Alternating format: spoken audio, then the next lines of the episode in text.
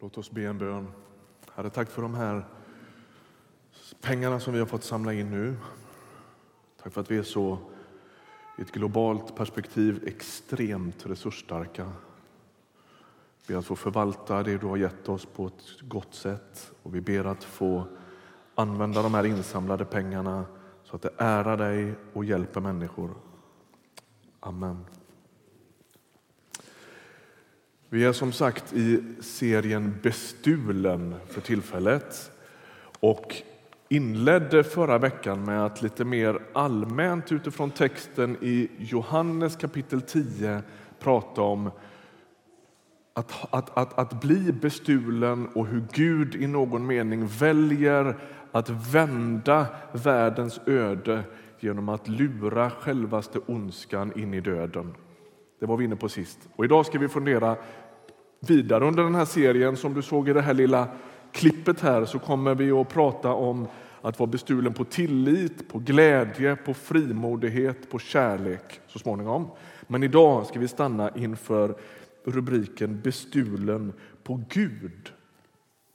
Det är ju så här när man när vi närmar oss en sån här serie så funderar vi på vad är det man, vad är det man kan, kan vara bestulen på i livet? Dels kan det vara på väldigt materiella ting.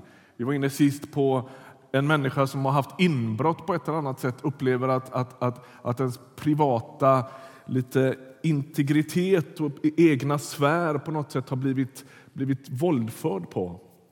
Inbrott i en bil eller ännu värre inbrott i ett hem.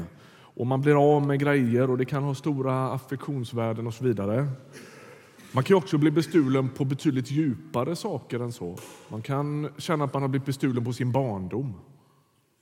Eller man har blivit bestulen på hälsa, på frid och på glädje. Det finns massvis med saker. Men idag skulle vi vilja stanna vid att bli bestulen på Gud.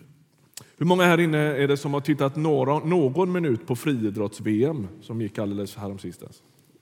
En del. Och en del till som inte vill erkänna det. Okay? Det händer ju något ganska intressant varje gång det är sånt här.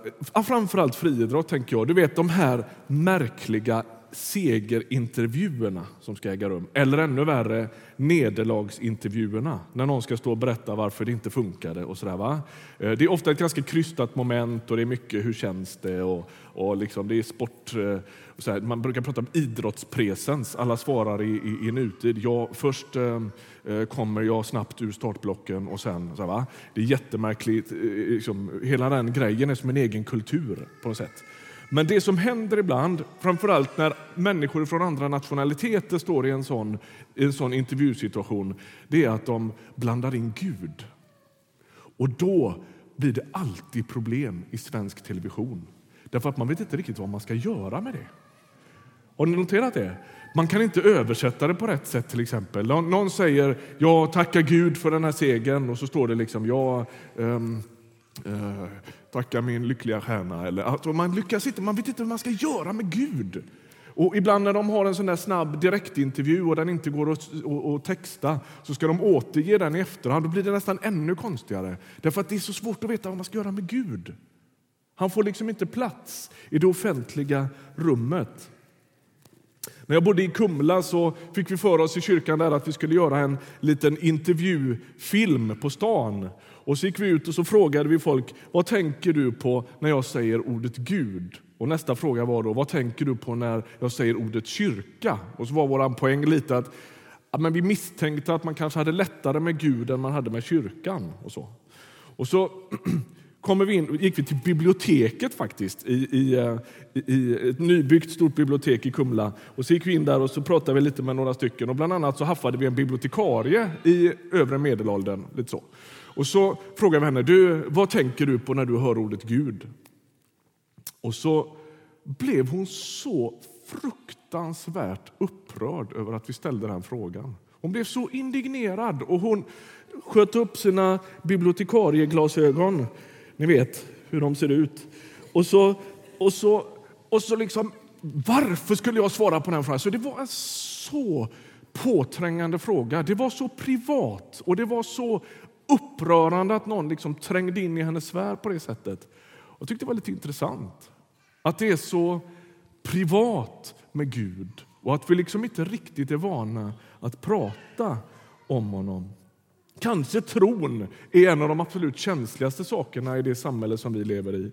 Jag tänker att vi har större liksom, förståelse för att någon avslöjar explicita detaljer om sitt sexliv än att någon pratar om sin tro. Tron är mer privat. Det pratar man liksom inte om. Eh, jag tänker att det gäller individuellt, men det gäller också i någon mening som nation. Gud har liksom raderats ut, eller han har åtminstone knuffats ut väldigt tydligt i marginalen. Han hör liksom inte hemma i vårt liv på något sätt. Sverige har ofta beskrivits som ett kristet land. Jag tycker egentligen att det är väldigt problematiskt att prata på det sättet därför att Gud Länder kan inte vara kristna, det kan bara människor vara. Eh, och vi håller på och funderar över den där flaggan med korset och alltihopa där. Va? Fortfarande är det så att 69 procent av alla svenskar tillhör Svenska kyrkan. Så i den meningen kan vi tala om Sverige som ett sorts, eller svenskarna som ett kristet präglat folk. Men frågan är hur det är egentligen.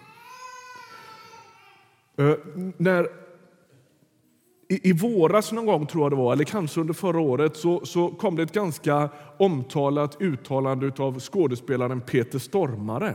Han sa så här, alla, vet, ni vet vem han är? Hollywoodstjärna, svensk. Och så säger han så här. Jag kan, teoretiskt sett, spela en enmansföreställning i tre timmar på Dramatens stora scen där jag vandrar fram och tillbaka i en monolog skrikandes svordomar och könsord för att avsluta denna monolog med att sätta mig på en hink och uträtta mina naturbehov. Ingen i Sverige skulle reagera på att detta var något konstigt. Förmodligen skulle jag hyllas som konstnärligt nyskapande.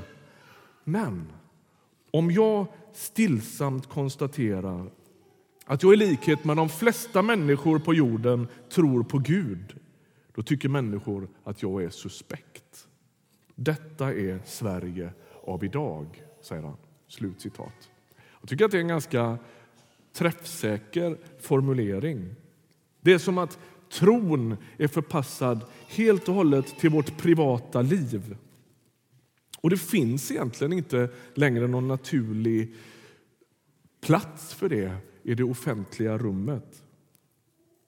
Jag tänker att det kan vara viktigt för oss som sitter här inne att påminna oss om att det är ganska unikt i världen. Det är inte så många andra ställen där det är så. Vi är lite speciella i Sverige i den meningen.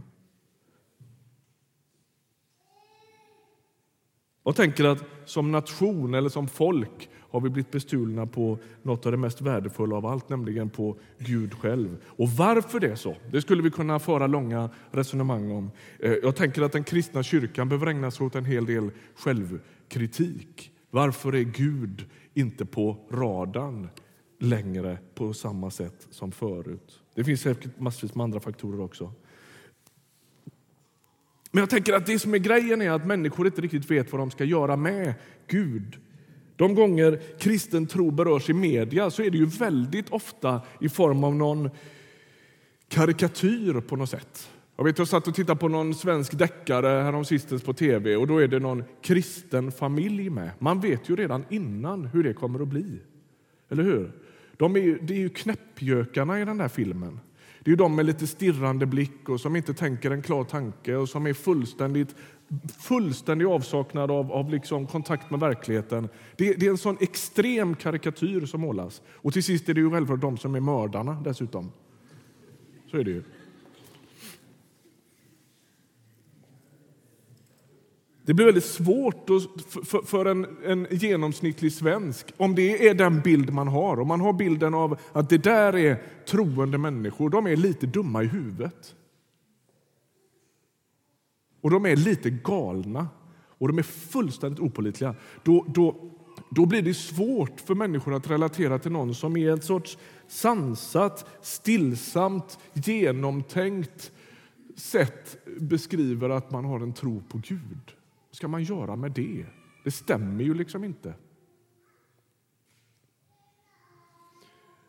Och då är frågan, vad gör det här med folk att Gud inte längre liksom är på radarn. Ni fattar att det här är en, en grav generalisering. Det finns massvis med svenskar som går och funderar på Gud. Men jag tror att ni är med på grejen. Vi är i, i någon mening unika i Sverige därför att vi har, vi har gjort en, en glidning som de flesta andra nationer eller folk eller kulturer inte har gjort.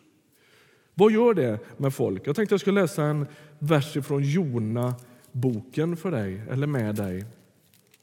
Jonas fjärde kapitel. Jona han är en intressant figur.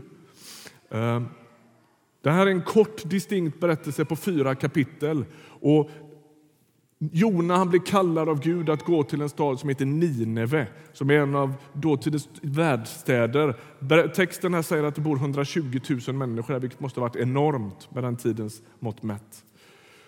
Och så är poängen på något sätt i hela Jona bok att Jona inte har ett sånt hjärta som Gud har. Gud har mycket större, mycket vidare hjärta för människor som inte tror. Och så beskriv, slutar boken så här, med att, att Gud säger så här.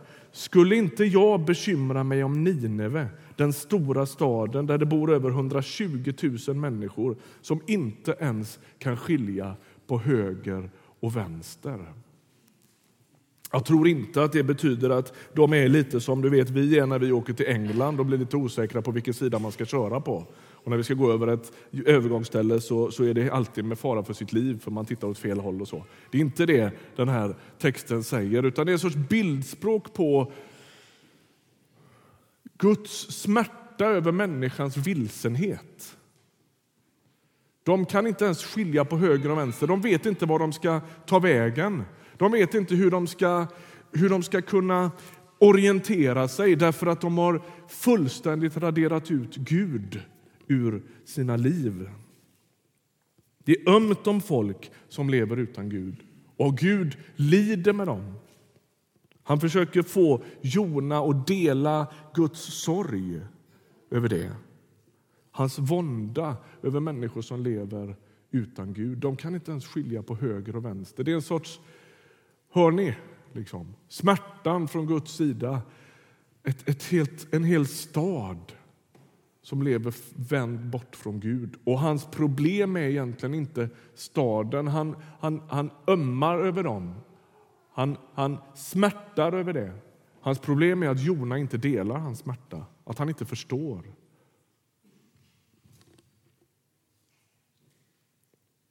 I Nya testamentet så beskriver Paulus det så här, i Fesiebrevet. skrivet till människor som har hyfsat nyss funnit en tro på Jesus. De har levt som hedningar och liksom tillbett alla möjliga avgudar och grejer. Och så säger han så här. Kom ihåg att ni på den tiden, alltså innan de kom till tro, var utan Kristus, utanför medborgarskapet i Israel och utan del i förbunden och deras löfte, utan hopp och utan Gud när ni levde i världen. Om vi går tillbaka till den där stöldbilden så tänker jag att det är så här. Det är inte alltid man upptäcker vad man har blivit bestulen på förrän det går ett tag. Om man har haft inbrott i sitt hus så tycker man att man gör en förteckning över vad det är man saknar. Och så, så småningom när man börjar leta efter grejer så inser man att det har försvunnit mer än vad jag först förstod. Eller om man har blivit, varit med om en förlust på något annat sätt. Jag har en god vän som var med om att hans hus brann ner till grunden. Det, flera år efteråt så kommer han på saker. Just det, det där är också borta. Så. Och så är det som att Paulus försöker att beskriva det här för efesierna som har kommit till tro på Jesus. Och så, och så är det som att han säger, kommer ni ihåg hur det var? Kommer ni ihåg hur, hur bestulna ni var? Ni var utan Gud, ni var utan hopp, ni var utan orientering. Ni kunde inte skilja på höger och vänster. Det var ett, ett riktningslöst och det var ett rotlöst liv. Det kanske inte var så att ni gick och tänkte så hela dagarna, men det var ändå så. Vad är det som händer när man blir bestulen på Gud? Jag tänker att man i någon mening drabbas av en existentiell tomhet. Det är inte säkert man går runt och tänker det hela dagarna. Men i skarpa lägen så blir det tydligt att det är så. Varför finns jag egentligen? Det har gått något program på tv nu när man har följt adopterade barn som så småningom i livet känner ett behov av att liksom finna sitt ursprung. Var kommer jag från egentligen? Man besöker sitt gamla hemland och man vill liksom hitta sin gata eller sitt barnhem. eller sådär. Det är starka berättelser. Och jag tänker att det egentligen är en djupt, djupt mänsklig drivkraft. Man vill hitta sitt ursprung. Man vill veta var man kommer ifrån. Om man har blivit bestulen på Gud så tror jag att i riktigt skarpa lägen så upptäcker man att det saknas mer än man först förstod. Man är utan fäste på något sätt. Om Gud inte finns, om Gud raderas ut ur, ur, ur tillvaron då finns det egentligen inget odiskutabelt människovärde. Det är då vi börjar prata om att människan är lika mycket eller lika lite värd som ett djur eller en björk eller något. Och så säger Paulus i den här texten att man är också utan hopp. Man är utan hopp. Jag hörde någon, något citat av en kvinna som är uttalad ateist, sitter i debatter med, med kristna och med andra troende och så ställer den här debattledaren eller samtalsledaren en fråga till henne och säger men då finns det ingenting som du är avundsjuk på eller som du önskar att du hade som en troende människa har. För hon raljerade rätt rejält över tro och så. Då säger hon så här. Jo, det finns, det finns tillfällen, säger hon, när jag är med om något riktigt, riktigt tjusigt i livet. När mina barn har fötts eller en häpnadsväckande naturupplevelse. Eller en varm, varm, varm relation. Liksom. Och jag tänker, jag skulle så gärna vilja uttrycka mitt tack, men jag vet inte vem jag ska tacka. Det är vad som händer. Till sist så blir det utan riktning, utan Gud, utan hopp, utan rotfäste. Det är som om roten är avskuren, som om något saknas i livet som bara Gud kan fylla. Jag tror av hela mitt hjärta att det är så. Jag tror inte att människor går runt i Linköping på sina jobb och på, på stan och handlar och på Ågatan och käkar en middag ständigt existentiellt grubblande. Självklart är det inte så. Människor har relativt goda liv. Men i en del skarpa lägen så är det precis som den som har blivit bestulen på allt. Det är som att man upptäcker oj, det är mer som är borta än vad jag först såg. Vem ska man tacka? Vem ska man be om hjälp? Och kom ihåg, alla ni som hör till den här församlingen. Det är därför vi finns här. Det är därför vi finns här. För alla de människor som lever utan Gud och utan hopp och utan rotfäste. Allt vi gör måste på något sätt styras upp utifrån den insikten. Församlingen finns här i Linköping, inte för sin egen skull utan för den här stadens skull. Vi finns till för dem som ännu inte är här. Det säger jag ibland. skulle jag säkert säga lite oftare. Vi finns till för dem som ännu inte är här. Är du med? Alltså Det är viktigt. Det är viktigt.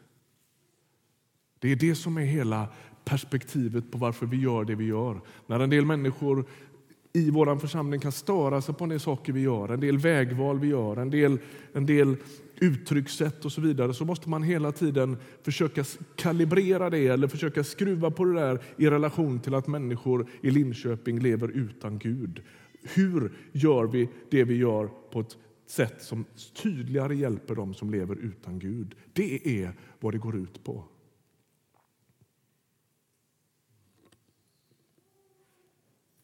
Låt oss hela tiden, jag tänker ungefär som du vet när man hemma kör man med sin kaffebryggare, men när man är i någon sommarstuga eller på landet eller i tältet eller var man är, då ska man hälla, liksom, hälla för hand genom det här filtret och det skakar och skvätter och grejer. Och, va?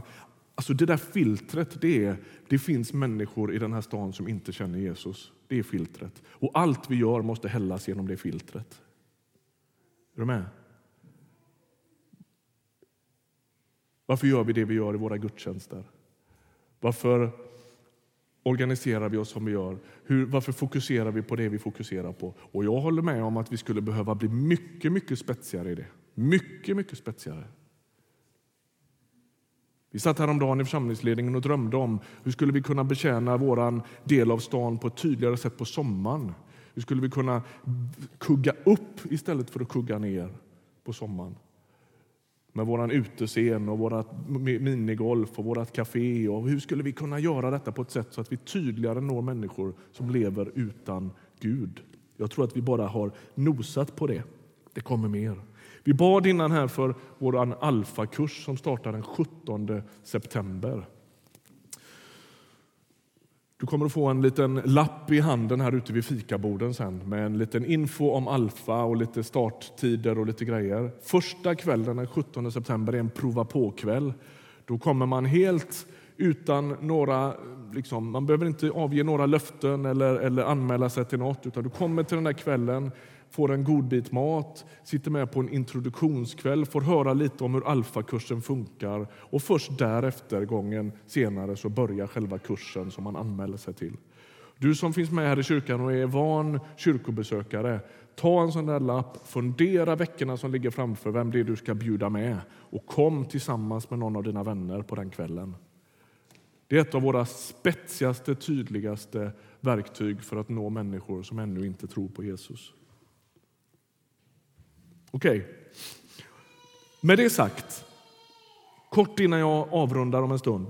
Vad gör det här med oss kristna? Vad gör det med den som är Jesus-troende? I en kultur där Gud i stort är utknuffad i marginalen så tänker jag att vi påverkas mer än vi själva förstår.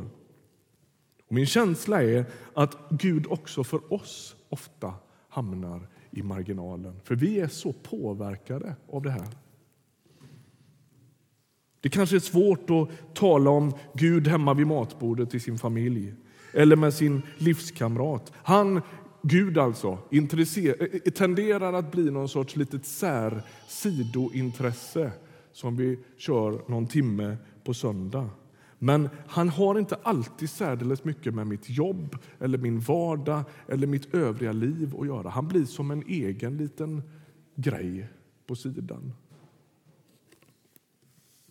Gång på gång i Gamla testamentet så säger Gud genom profeterna att de har glömt mig. De har glömt mig. Och Profeten Jeremia exempelvis, han får till uppdrag att hjälpa Guds folk att se när de har gått på en nit. De måste, han, han försöker hjälpa dem att avslöja att de tittar åt fel håll. De söker sin hjälp på fel ställen. De lutar sig mot gudar som inte kan hjälpa. Och de, och de där gudarna sviker i riktigt skarpa lägen. Det går inte att luta sig mot dem, det håller inte. Och så talar han om de där gudarna som han har snickrat ihop själv. Och man måste luta dem mot ett träd, för annars så faller de i kull. Och så säger Jeremia, de där gudarna kan inte tala, de måste bäras och de kan inte gå. Och så beskrivs Israels Gud som en sorts motbild till det. De här avguda statyetterna som de går runt och bär på och lutar för att de inte ska välta. De ska ställa sig mot Israels Gud som bär hela världen. Som ingen kan bära, som ingen kan rucka, som ingen kan rubba på. Och så står det så här. De har övergett mig, källan med det friska vattnet och huggit ut cisterner, cisterner som spricker och inte håller vatten. Fel gudar. Fel, en tillit vänd åt fel håll. Och Jag tänker att vi kanske skulle göra som Peter Stormare och lite vi behöver, inte, vi behöver inte vråla på barrikaderna, men lite stillsamt i den miljö som är din. ta det tillfälle som bjuds och säga, vet du, jag tror på Gud. Han är en, han är en del av min, han, han är den som har format min världsbild. När någon på din arbetsplats säger, frun fick ett sjukdomsbesked igår som är ganska alarmerande. Säg det där som du bara tänker då. Vet du, du vet, jag, jag räknar med Gud i mitt liv. Jag pratar med honom ibland. Jag skulle gärna be för din fru. Du behöver inte säga mer. Du behöver inte stå till svars för all kristna kyrkans historia. Du behöver inte redogöra för teodicéproblem och andra otroligt svåra nötter. Du kan bara säga det. Vet du, då ska jag be för dig. Lyft in Gud. Låt honom få plats i det som är ditt liv. Tänk om det är så att du då upptäcker att människor i din närhet, bestulna på Gud själv, känner att här finns någonting som jag inte har. Tänk om du skulle kunna få signalera det som Jona försöker lära sig, nämligen att Gud inte är långt borta från någon utan att han möter den som viskar hans namn. Jag tror av hela mitt hjärta att det är så. Den största sökaren i tillvaron det är inte den vilsna människan. Det är Gud som är den största sökaren. Han, han ger aldrig upp. Han söker människan envetet, ihärdigt, outtröttligt. Och den som gläntar på den dörren ska möta honom.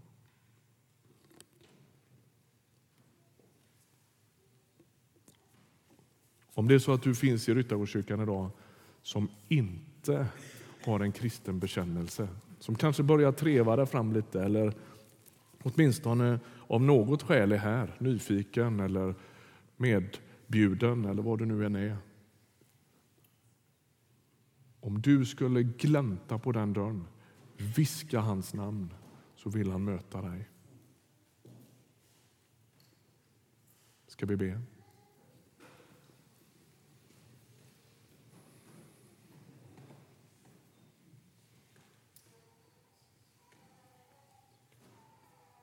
Herre, det är inte vi som är tillvarons centrum.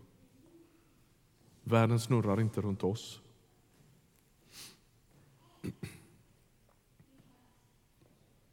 Inget står och faller med någon här inne, utan du är den som bär världen. Du är den som uppehåller allt.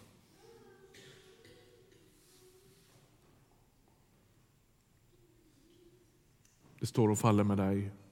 Om du tar din hand ifrån oss så är det ute med var och en av oss. Om du tar din hand ifrån världen så kollapsar allt.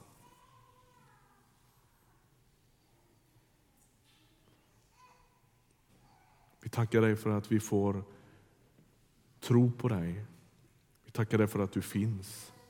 Vi tackar dig för att du är god. Vi tackar dig för att du inte sitter med armarna i kors och gör dig svårtillgänglig. Tack att du söker människan.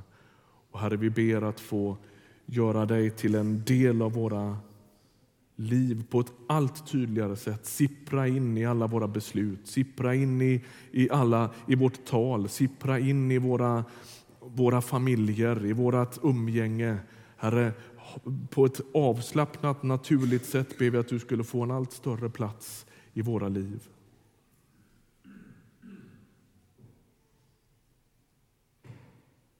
Herre, det finns så mycket vi saknar, det finns så mycket vi vill be dig om.